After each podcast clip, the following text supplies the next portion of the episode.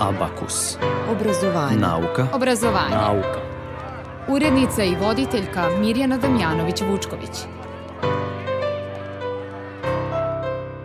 Urbana klima, studiranje na privatnom fakultetu, ali i školovanje i posao operske pevačice teme su današnjeg abakusa u kojem najavljujemo i početak pripremne nastave za polaganje prijemnih ispita na Novosadskom prirodno-matematičkom fakultetu.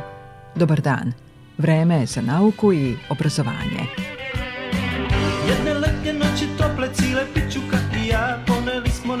Klope da se nađe za dan dva Pa smo krenuli u Brazil ili do južnih mora bar. Smišljali smo neki fazon, kovali smo dugo plan Džungla zlato i Amazon, pa je došao taj dan. Dunavom do Crnog mora, sve je dalje prosta stvar. Za sve je kriv Toma Sawyer Takve knjige ne bi smele da postoje. I to je bilo iskušenje, on je tako dobro terao po svom sve je kriv i Mississippi No kom smo sanjali na našoj staroj lipi. Dok smo gledali kroz krošnju kako nebom sve do zvezda plovi tom.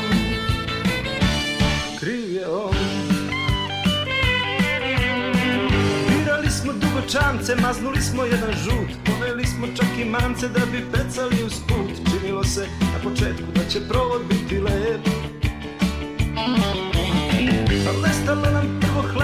mučila nas strašna glad Onda grom iz vedra neba i oluja kiša grad. Al na sreću neki čičak kad nas primio na šlep Za sve je kriv Toma Sawyer Takve knjige ne bi smele da postoje. I to je bilo iskušenje, on je tako dobro terao po svom. Za sve je kriv i Mississippi O kom smo sanjali na našoj staroj lipi nebom sve do zvezda plovi tom Na onom splavu svom.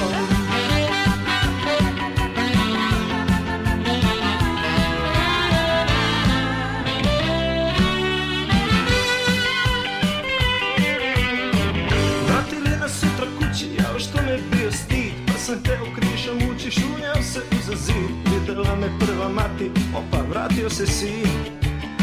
Na to otac reče samo, neka neki živi zdrav. Al sam ipak tu i tamo, posle bio čudno plav. Pa su me u školi dugo zvali Huckleberry Finn. Za sve je kriv Toma Sawyer Takve knjige ne bi smele da postoje. Pa to je bilo iskušenje On je tako dobro terao po svom. Za sve je kriv i Mississippi O kom smo sanjali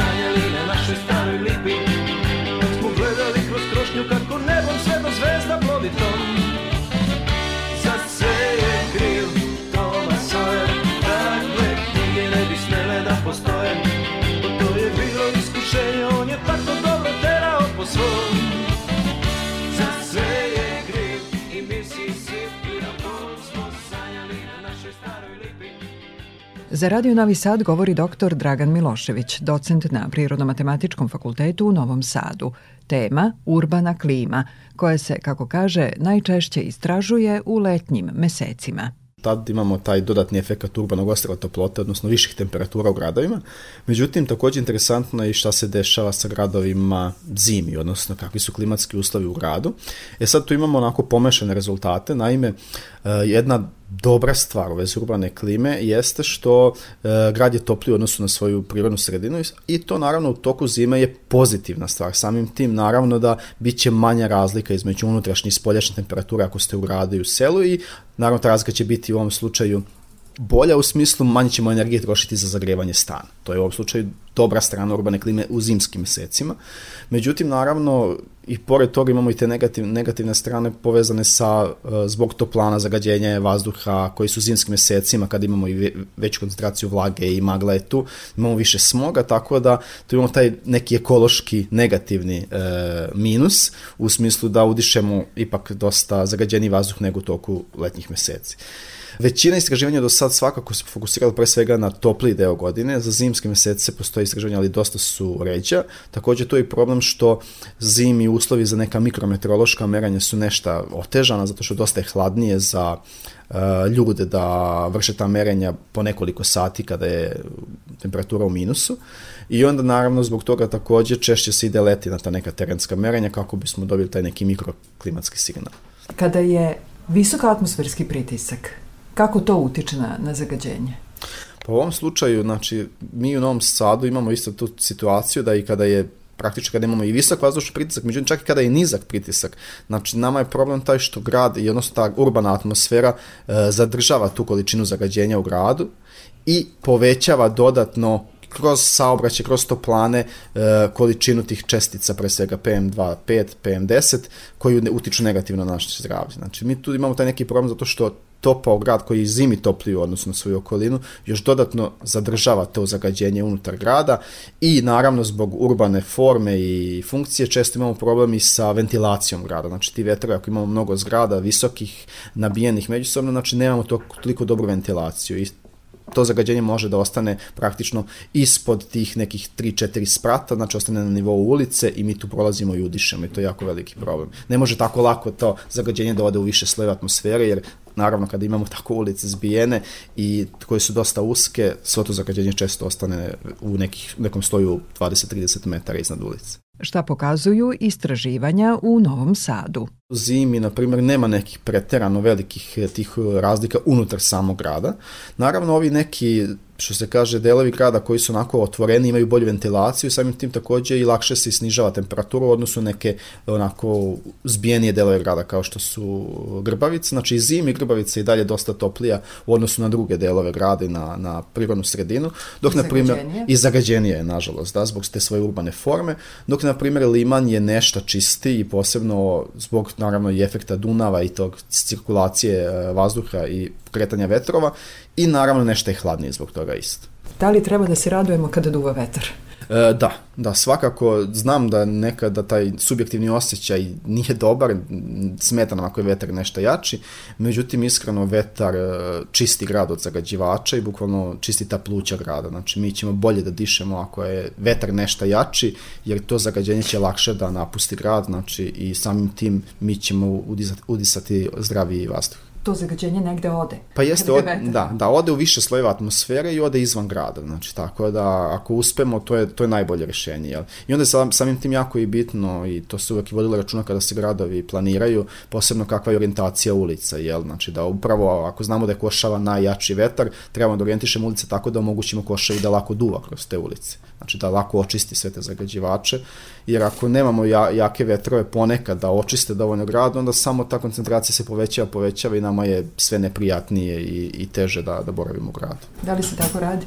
Da, da, da, znači mogu da kažem da ono, te ulice u Novom Sadu što ga tiče dosta su dobro orijentisane, sad naravno treba onda posle toga obratiti pažnju šta postoji u tim ulicama, kakve su tu zgrade, kakvi su materijali, količina zelenila, e, količina saobraćaja, parkinga, znači sve to onda posle može ili da pogorša ili da poboljša stanje na tim nekim lokalitetima u gradu. Urbana klima se izučava na Prirodno-matematičkom fakultetu u Novom Sadu. Na departmanu za geografiju, turizam i hotelijerstvo. Postoji jedna grupa uh, profesora asistenata koji se bavi isključivo urbanom klimom koja utiče na, na to brojne aspekte ljudskog života, od zdravlja, privrede, i, znači ekologije i tako dalje problemi su dosta kompleksni i zahtevaju saradnju istraživača i profesora različitih zvanja. Znači, mi sarađujemo, znači ovdje imamo geografe, klimatologe, demografe, sarađujemo sa arhitektama, sarađujemo sa medicinarima, sarađujemo sa fakultetom za sport, Znači, bukvalno sve to treba, jer ako imamo ekološke i zdravstvene probleme kao posljedica urbanizacije i klimatskih promjena unutar grada,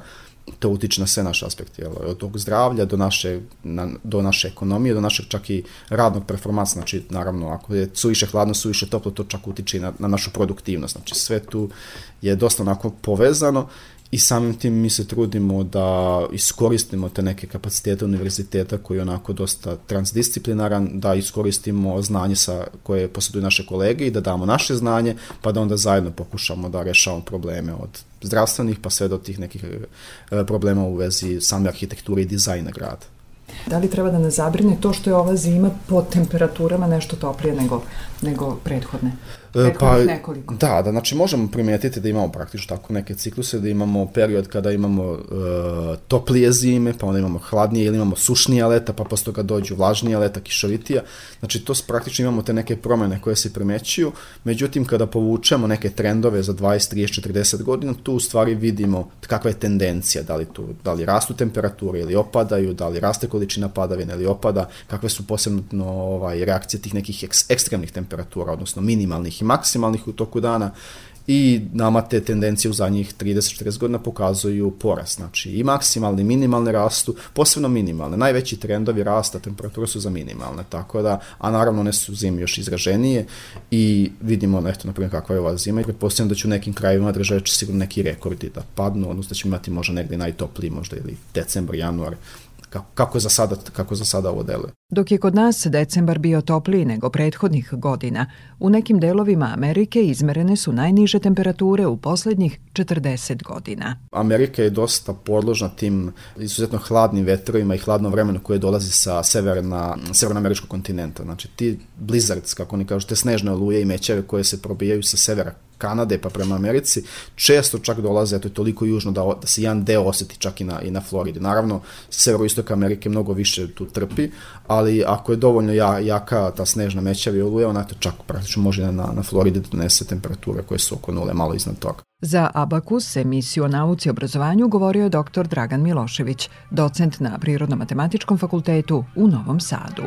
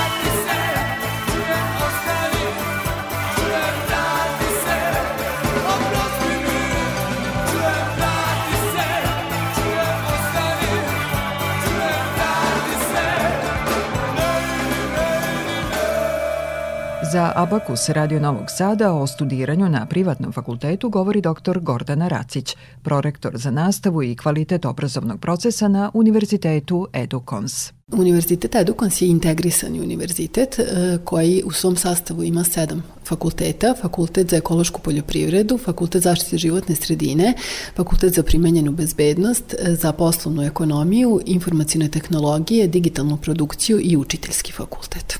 Za koji smer ili fakultet je najveće interesovanje? Šta vam iskustvo govori? Pa uglavnom je to fakultet e, za digitalnu produkciju, za primenjenu bezbednost i poslovnu ekonomiju, čini mi se, mada i učiteljski isto ima odličan, odličan upis. Čini mi se da se slabije opredeljuju za ove, da kažem, prirodne, prirodne nauke, to valjda uvek svima malo teže da odluče da upišu. Da, čini mi se da današnja deca e, nekako žele da sve više upišu nešto što možda što, će, što im deluje da će lakše e, da, da završe. Evo, moje, moje iskustvo, evo ja, ja predajem hemiju i e, prvi put sam ove godine doživjela da su mi studenti rekli e, ja, ova hemija može da bude baš zanimljiva. Inače, uvek hemija na prvoj godini najveći problem. Gordana ima diplome sa tri univerziteta, dva državna i jednog privatnog. Osnovne studije je završila na Prirodno-matematičkom fakultetu Novosadskog univerziteta, master studije na Edukonsu, na kojem je sada vanredni profesor, a doktorirala je na Hemijskom fakultetu Univerziteta u Beogradu. Ja sam upisala master studije na Fakultetu za zaštitu životne sredine, završila i tu onda ostala u svojstvu asistenta, međutim, obzirom da je moje o, naučne, naučna oblast i biohemija, e, ovaj doktorske studije sam upisala na Univerzitetu u Beogradu da bih mogla da imam zvanje iz te oblasti i da mogu da posle predajem na, na tim predmetima na kojima sam i počela da držim nastavu. Osnovni studij ste završili na PMF-u? Na PMF-u, tako je. Ovde ste Master, masterirali? Da, i, i na Univerzitetu u Beogradu doktorirala na, na Hemijskom fakultetu. Vi onda u stvari možete da poredite. Jeste. Novosadski Beogradski univerzitet i privatni. Ono što mogu da kažem je da e, tokom svojih master studija ovde sam imala, da kažem, sreću da mi je mentor bila profesorka e, koja je iz oblasti molekularne biologije, a ja na svojim osnovnim studijama sam, da kažem, tim metodama mogla, te metode mogla samo da vidim. Znači nisam mogla ništa da radim. A ovde sam imala tu mogućnost e, da je meni bukvalno profesorka nakon, da kažem, tih nekih osnovnih uvodnih predavanja iz, i obuke u laboratoriju laboratoriji, da sam ja cijelo leto radila svoj master rad sama na e, tim aparatima i meni je to bilo jedno neprocenjivo iskustvo u stvari i to je ono što privatni univerzitet omogućava, jeste rad u malim grupama i mogućnost da nam se svaki profesor posveti, znači svako ko izrazi želju za nekim možda malo uh, unapređenjem svog znanja uh, može da ga dobije i da iskoristi profesore, jer profesori imaju dosta, uh, da kažem, iskustva, praktičnih iskustava koje prenose studentima i što ja mislim da je danas vrlo, uh, vrlo važno. I, I ono kada ste me pitali još vezano za šta univerzitet još uh, može da ponudi, to jesu i međunarodne razmene studenta koje mislim da su vrlo važne, jer ja prvo sam to koristila tokom svojih osnovnih studija, a posle i master studija i to je e, takođe prednost našeg univerziteta jer e, imamo manji broj studenta i onda svaki student koji se prijavi, da li ako ne dobije ove godine, dobit će sledeće godine mogućnost da otputuje u neku od zemalja sa kojima imamo e, sporazum. Tako da to sad sve više studenti koriste. U suštini, čini mi se da im je glavna barijera znanja engleskog jezika i onda već od prve godine mi počnemo da im pričamo učite engleski, učite engleski da bi na trećoj godini mogli da otputujete negde i da, da stegnete neka nova iskustva onda provedu jedan semestar? Da, to, je, to je, ta razmena je jedan, jedan semestar na uh, fakultetu koji ima, da kažem, uh, iste predmete kao i matični fakultet kako bi posle moglo da se uradi to priznavanje ispita prosto da oni ne gube godinu. Dvosmerno je to, da li dolaze i ovde e, studenti? Dolaze, dolaze i ovde studenti, e, pošto i profesori mogu da idu na razmene i e, dosta profesora iz inostranstva nam dolazi ovde, oni provode po, po pet radnih dana na univerzitetu i to je nam isto vrlo značajno jer oni drže predavanja kako za naše studente, tako i za nas, to mogu biti i obuke i ovaj to, to onako vrlo, evo sad smo imali gosta iz Grčke e, i e, dva gosta iz Mađarske, tako da je to onako bilo vrlo produktivno i značajno, ne samo za nas, nego i za studente. Vrlo aktualne teme koje se traže, tako da su bili i studenti i profesori sa PMF-a, recimo, su došli da slušaju predavanja i onako bude to vrlo lepo. To je još jedan dokaz da učenje ne prestaje onog momenta kad se završi neki nivo obrazovanja. Dakle, vi ste doktorirali i dalje učite. Tako je, tako je. Ta priča se prosto nastavlja i, i nadograđuje. Jedino što postajete nakon tih doktorskih studija ipak malo sigurniji u sebe i ne morate da polažete ispite, ali morate i dalje da učite i da se unapređujete. Dr. Gordana Racić, prorektor za nastavu i kvalitet obrazovnog procesa na Univerzitetu Edukons. Obrazovanje. Nauka. Obrazovanje. Obrazovanje. Nauka. Nauka. Obrazovanje. Abakus.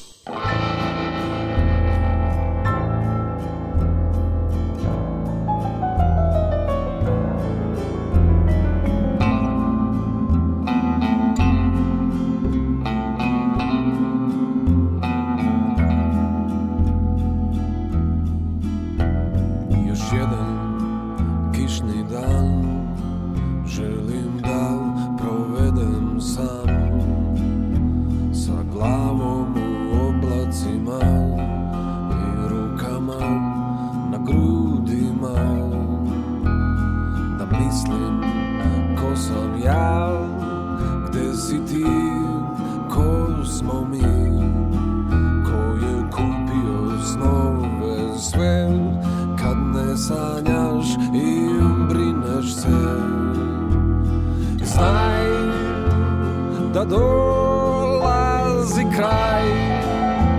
Za nas predivan kraj Vodi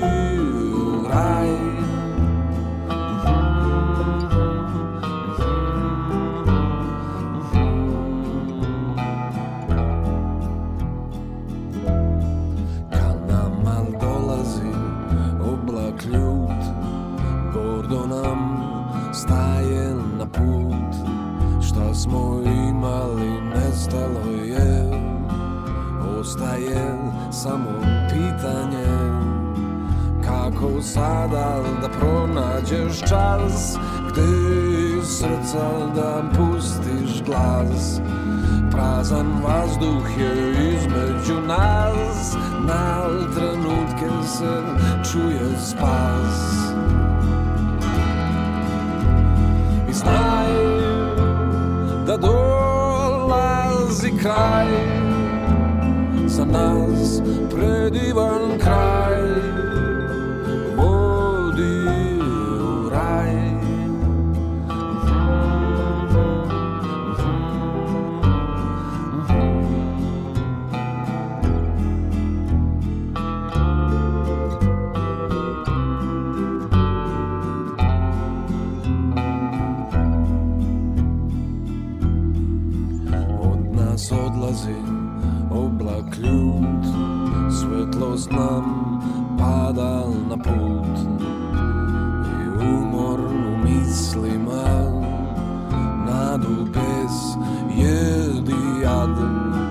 šta sad možemo ti i ja sa vezanim rukama.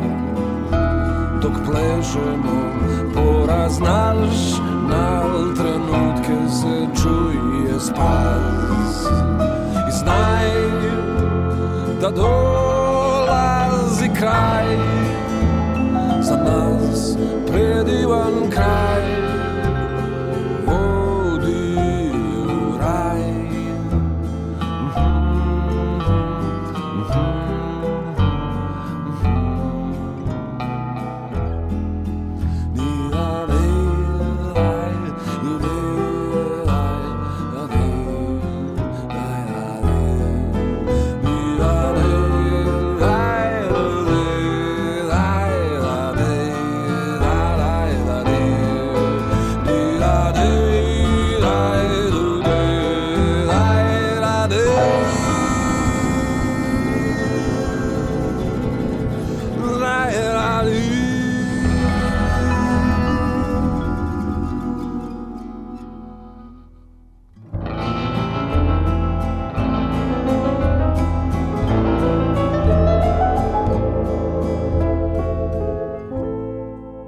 Daniela Jovanović, prvakinja opere Srpskog narodnog pozorišta, srednju muzičku školu na solo pevačkom i na klavirskom oceku, završila je u rodnom Nišu.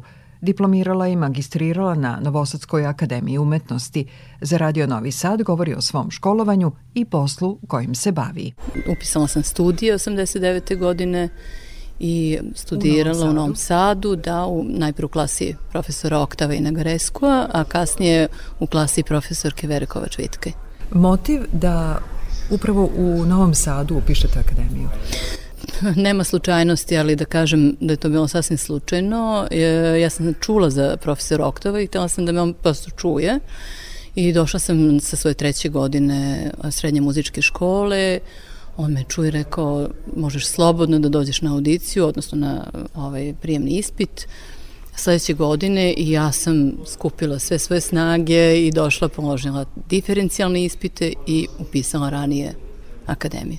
Novi Sad je zbog profesora? Zbog profesora pre svega, da. Zato što je on važio zaista za jednog eminentnog profesora, pevača, svetska zvezda odluku o tome čime ćete se baviti doneli ste kao srednjoškolka ili i ranije? Kao srednjoškolka. Ja sam pre svega uh, išla u muzičku školu, ali na klavirskom oceku sam bila i rešila da upišem i srednju muzičku na istom klavirskom oceku, ali umeđu vremenu, pošto sam ranije opet završila i klavirski, tu nižu muzičku, ovaj, upisala sam solo pevanje.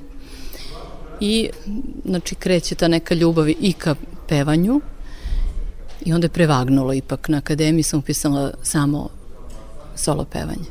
Kako izgleda kada se solo pevanje studira na akademiji? Naravno da to nije samo pevanje u pitanju. E, mi imamo masu teoretskih predmeta, imamo klavir kao obavezni predmet, e, imamo kamernu muziku, imamo scenski pokret vezan sa glumom naravno, E, zatim e, opšte predmete koji možda sada već i nisu u programu akademije, ali mi smo tada imali odbranu i zaštitu, imali smo ovaj, neke opšte predmete tipa psihologija, sociologija, estetika i tako. Jezike? Da, i jezike, za solo pevače obavezan italijanski jezik.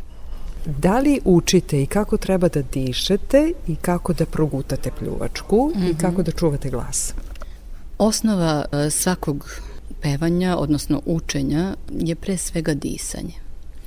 Disanje je jako značajno jer je usko, usko povezano sa uh, emitovanjem tona. Uh, zato mi najpre učimo kako se pravilno diše i kako se disanje, odnosno kroz disanje, kako se emituje i pravi ton. Salivacija, odnosno e, vlaženje glasnih žica isto vrlo značajno, jer ako vam je suvo grlo, vi ne možete da izvedete ton, doći će do prekida, glasne žice se spajaju. Sve se to uči, počev od niže muzičke škole, preko srednje i sa završnicom na akademiji. Kada ste završili akademiju, učenje je prestalo ili nije? Nije. Ja sam se svim silala, silama borila da uh, upišem master uh, studije, to je tada bila magistratura, trajala je dve godine i uh, da bih nastavila u stvari sa radom i učenjem kod moje profesorice i primadone Vere Kovač-Vitkaj, to učenje traji do dan danas. Verovali ili ne, eto, moja profesorica stalno sa mnom izrađuje nove uloge, znači ja se konsultujem sa njom, da li treba da pevam neku ulogu, da li ne, ona mi pomaže u nekim teškim delovima koji možda negde škripe i to, tako da e, naše učenje se ne završava sa akademijom, već to traje dok se radi, jel, dok se peva. Vi ste u stvari na stalnoj e, proveri svojih kvaliteta. Upravo tako. Mi se dokazujemo najpre sebi, potom svojim kolegama, publici i e, taj rad e, nikada ne prestaje jer uvek nađete neki novi moment, e, pa kako da otpevam sada ovu notu, pa da li ovaj ton baš tako treba lepo zvuči na ovaj način ili onaj način, uvek se nađe nešto novo, boja glasa, menja se repertoar, samim tim se menja i naš glas, naše vokalne sposobnosti se menjaju. I, znači, čovek je u stalnom i kontinuiranom radu. Kada vam se obrate oni koji sada studiraju solo pevanje ili razmišljaju o tome da upišu akademiju, šta im odgovorite? Ja se uvek radujem kada neko odluči da upiše solo pevanje ili akademiju, uopšte da uči pevanje, jer mislim da, da to toliko oplemenjuje i da je samo pevanje jedno zdravlje, jedna higijena našeg organizma, našeg tela. Pevanje podmlađuje. I mislim da bilo koja vrsta pevanja, to ne mora da bude opersko pevanje, to može da bude pop, rock, džez. Mislim da, da je to nešto poput disanja. I uvek sam srećna kada neko odluči da se bavi tim. Vi ne pevate samo klasičnu muziku? Ne. Još u toku studija moja profesorica je rekla Dušo, ti uh, ako misliš da se baviš ovim poslom, um, moraš da pevaš i drugu vrstu muzike, ona koja je tebi bliska naravno. Uh, jer kroz te nastupe sa znači, ne, nekom drugom vrstom muzike mi obogaćujemo i ovo opersko pevanje, to je prirodno. I tako da sam ja uh, otišla, odnosno ona me odvela uh, na ovaj radio televiziju Novi Sad, povezala me sa tamburaškim orkestrom i nakon kratkog vremena ja sam postala solista radio televizije Vojvodine Novi Sad i e, nastupala sa tamburaškim orkestrom, snimali smo mnoge pesme, mnoge emisije, i, znači postoje muzički zapisi. E, moj prvi debitanski nastup je bio na pedagoškim koncertima u Simfonijskom orkestru Niškom, e, gde e, je svirao naravno Niški simfonijski orkestar e, pod dirigentskom palicom našeg čuvenog e, dirigenta Dejana Savića, a kasnije naravno osim akademije i koncerata na akademiji, krenulo je sa nastupima u pozorištu i e, narednih, od 2000. godine, narednih sedam godina sam vrlo uspešno nastupala po čitavoj Evropi, znači to je bila Italija, Francuska, Nemačka, Švajcarska, Španija, Belgija i mnoge druge zemlje u okruženju. Na kojim ste sve jezicima pevali? Opera podrazumeva da se peva u originalu, znači delo koje je napisano. E, znamo da je potekla opera iz Italije, znači osnovno je da se zna italijanski jezik, ali pevamo i na nemačkom jeziku, na ruskom jeziku. E, u svakom slučaju to se izvodi u originalu. Kada sam ja počinjala e, da pevam u operi, dela su se izvodila isključivo na našem na maternjem, znači na srpskom jeziku. Međutim, ta praksa je promenjena zato što su ipak smatrali da treba da se delo izvede u originalu.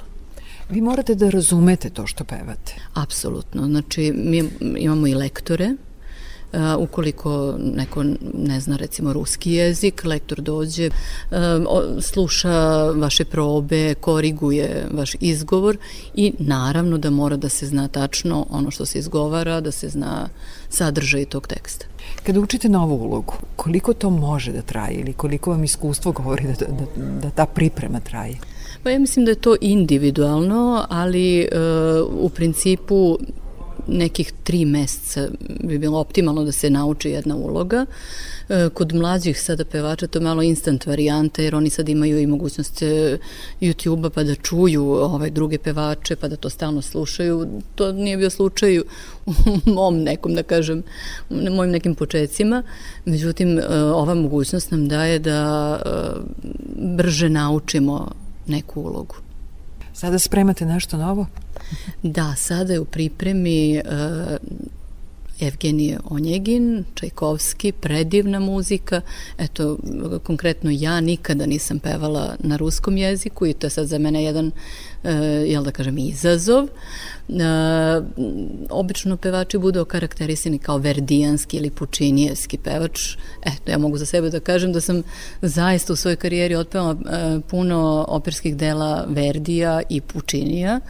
Sada se prvi put susrećem sa ruskim kompozitorom i jako se radujem. A prve nastupe na sceni opere Srpskog narodnog pozorišta imala je u vreme kada je bila studentkinja Akademije umetnosti u Novom Sadu. Još u toku studija sam bila pozvana da e, nastupim u Srpskom narodnom pozorištu operi Nabuko i e, zaista za nepunih nedelju dana ja sam pripremila tu ulogu i krenula da nastupam na sceni Srpskog narodnog pozorišta i tako sam i nadalje, ovaj, posle završenih studija, nastavila da nastupam, naravno honorarno, i umeđu vremenu su me pozvali da apliciram za uh, srednju muzičku školu i da budem pedagog i profesor I ja sam to vrlo rado prihvatila jer znati sami da je jako teško ući u Srpsko narodno pozorište odmah kao solista.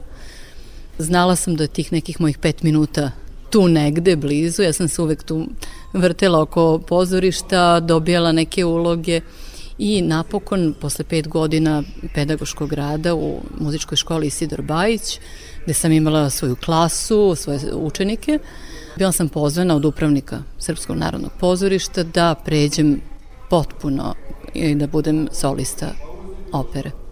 I čuveno pitanje šta biste bili da niste operski pevač, bila bi operski pevač i mislim da tu prosto se ne postavlja pitanje. Za Radio Novi Sad govorila je Danijela Jovanović, prvakinja opere Srpskog narodnog pozorišta. Obrazovanje. Nauka. Obrazovanje. Obrazovanje. Nauka. Nauka. Obrazovanje. Abakus.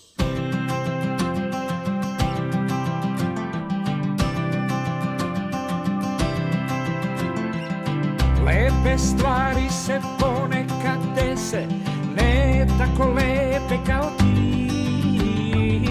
Ona misli da zna zašto nekad jedan i jedan su tri. S dvadeset i dve neko ima sve, neko već ima sve. Ona misli da zna da sam luzer ja, to mi je najgore. Nešto me goni, da se borim ko lud. Možda stignem prvi, trčim poslednji krug. Neka sila me goni, da se borim ko. Maratonci na kraju, trče počasni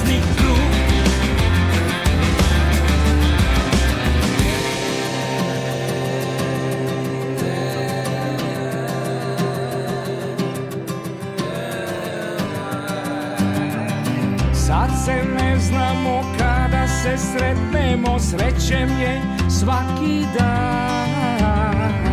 Dok se gledamo, ko da imamo vaku u očima. Kad ti život račune sve naplati, ko će te čekati? Lepe stvari svakome, bar jednom dese se.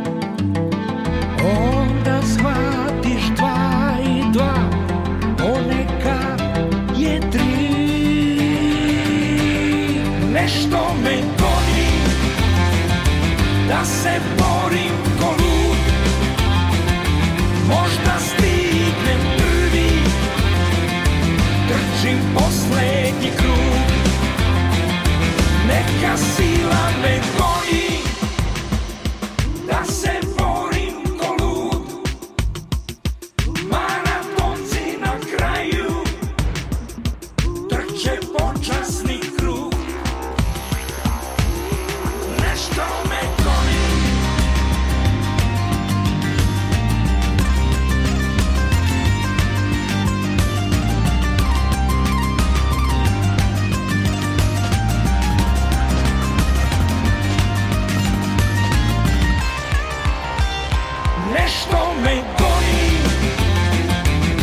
Da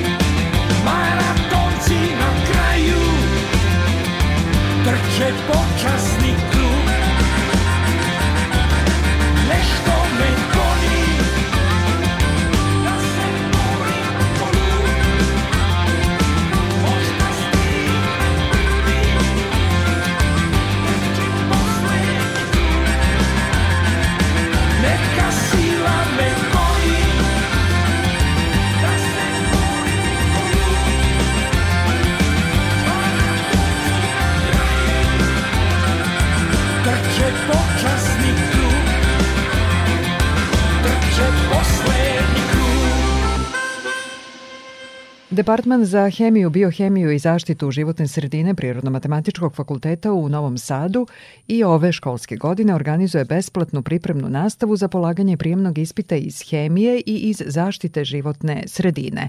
Kada počinje pripremna nastava i kako će biti organizovana, prethodnih godina je bila online, saznajemo od profesorke Mirjane Radanović. Dobar dan. Dobar dan i hvala što ste pozvali.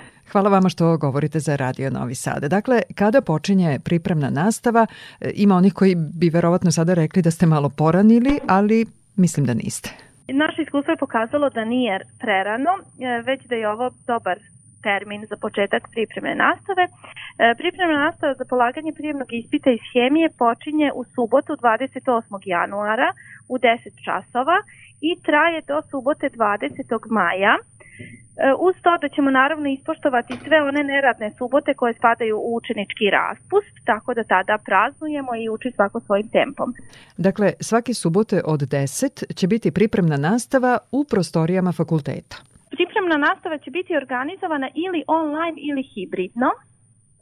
To znači? Što znači da će, što znači da će da postoji mogućnost da će učenici moći da prate e, online koji se za to opredele, a uživo oni koji to odabere, naravno ukoliko bude dostignut dovoljan broj. Trenutno je u toku anketa e, da, da se učenici izjasne kako žele da pohađaju e, pripremnu nastavu, tako da sve informacije ćemo blagovremeno dostaviti naravno putem našeg sajta i onima koji se prijave onda i na mail. Samo želim da istaknem da pripremna nastava za polaganje prijemnog ispita i zaštite životne sredine počinje malo kasnije, 4. marta i traje do 6. maja. Za one koji su zainteresovani, šta treba da urade da bi popunili tu anketu i pretpostavljam prijavili se za jedan ili drugi način e, slušanja te pripremne nastave?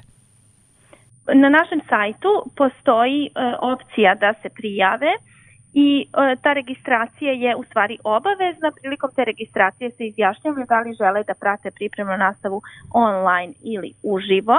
I broj mesta nije ograničen, ali ka, e, napominjem da registracija je obavezna jer će sve dalje informacije i link za pristup sastancima dobijati isključivo na svoj mail. I to je jedini uslov koji treba da ispune naravno uz dobru volju i spremnost da uče. Pripremna nastava je besplatna.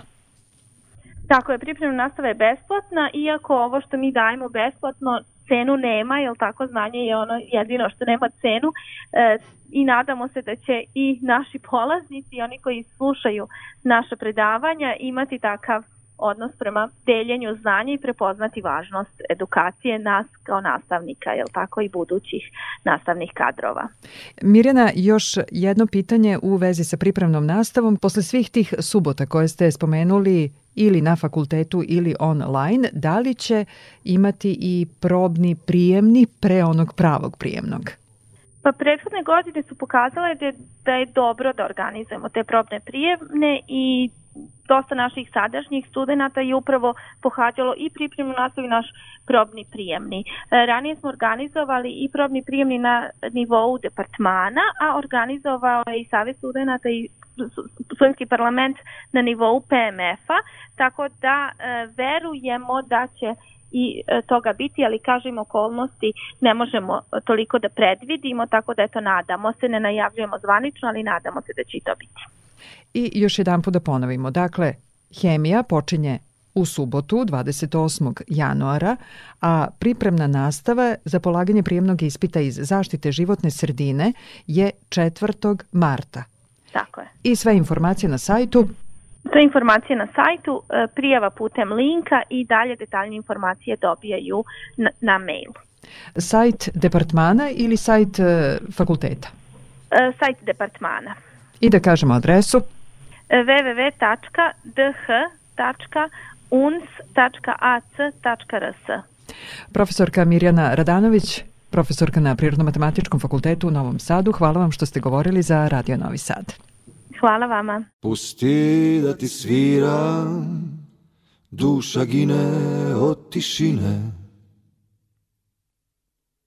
I ne boj se buke, to što svira, to su ruke. Jutros si zaboravio sve što te držalo skupa. Ovaj dan što na prozor lupa nije tvoj. Nije tvoj.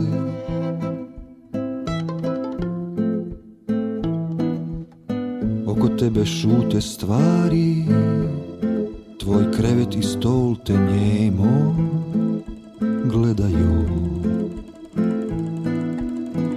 Sa zidova vise trice Tek da te grubo sjećaju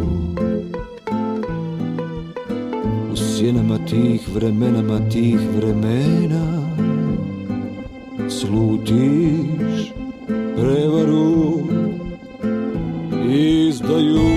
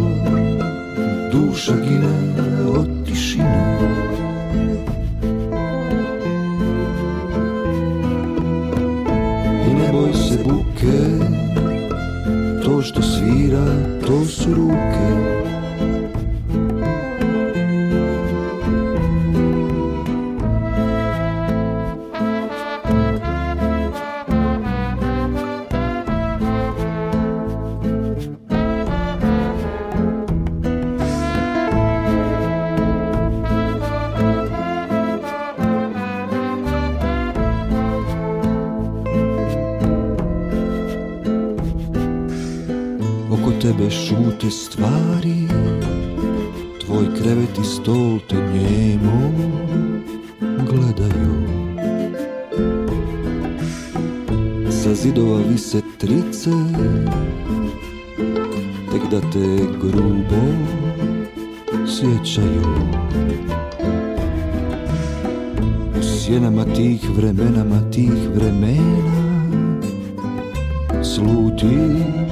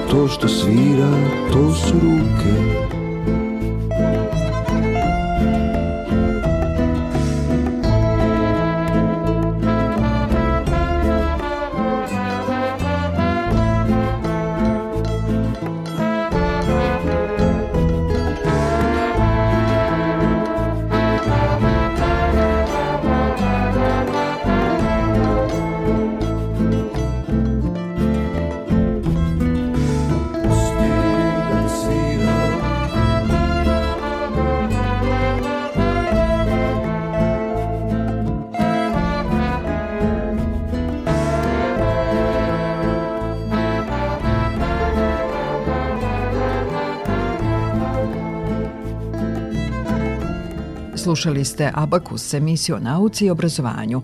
Sledeće je na našem programu za dve sedmice. Do tada ovu i prethodne emisije možete da slušate na odloženom slušanju na sajtu Radio Televizije Vojvodine. Muzički urednik Zoran Gajinov, ton majstor Damjan Šaš. Ja sam Mirjana Damjanović-Vučković. Moje srce teško suzu pušta I pumpa sa smješkom Jer ja ću pjevati, evo pjevam Ja ne sjetlim, ja sjevam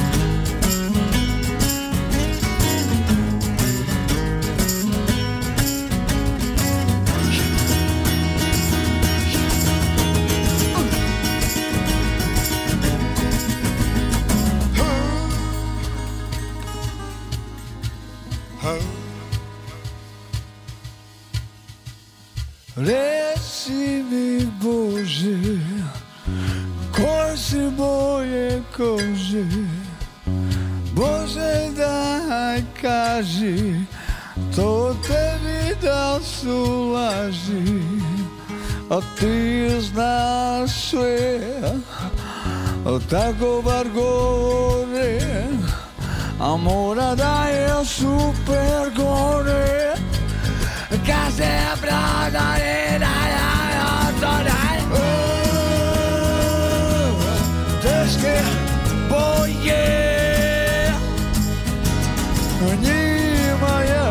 myself.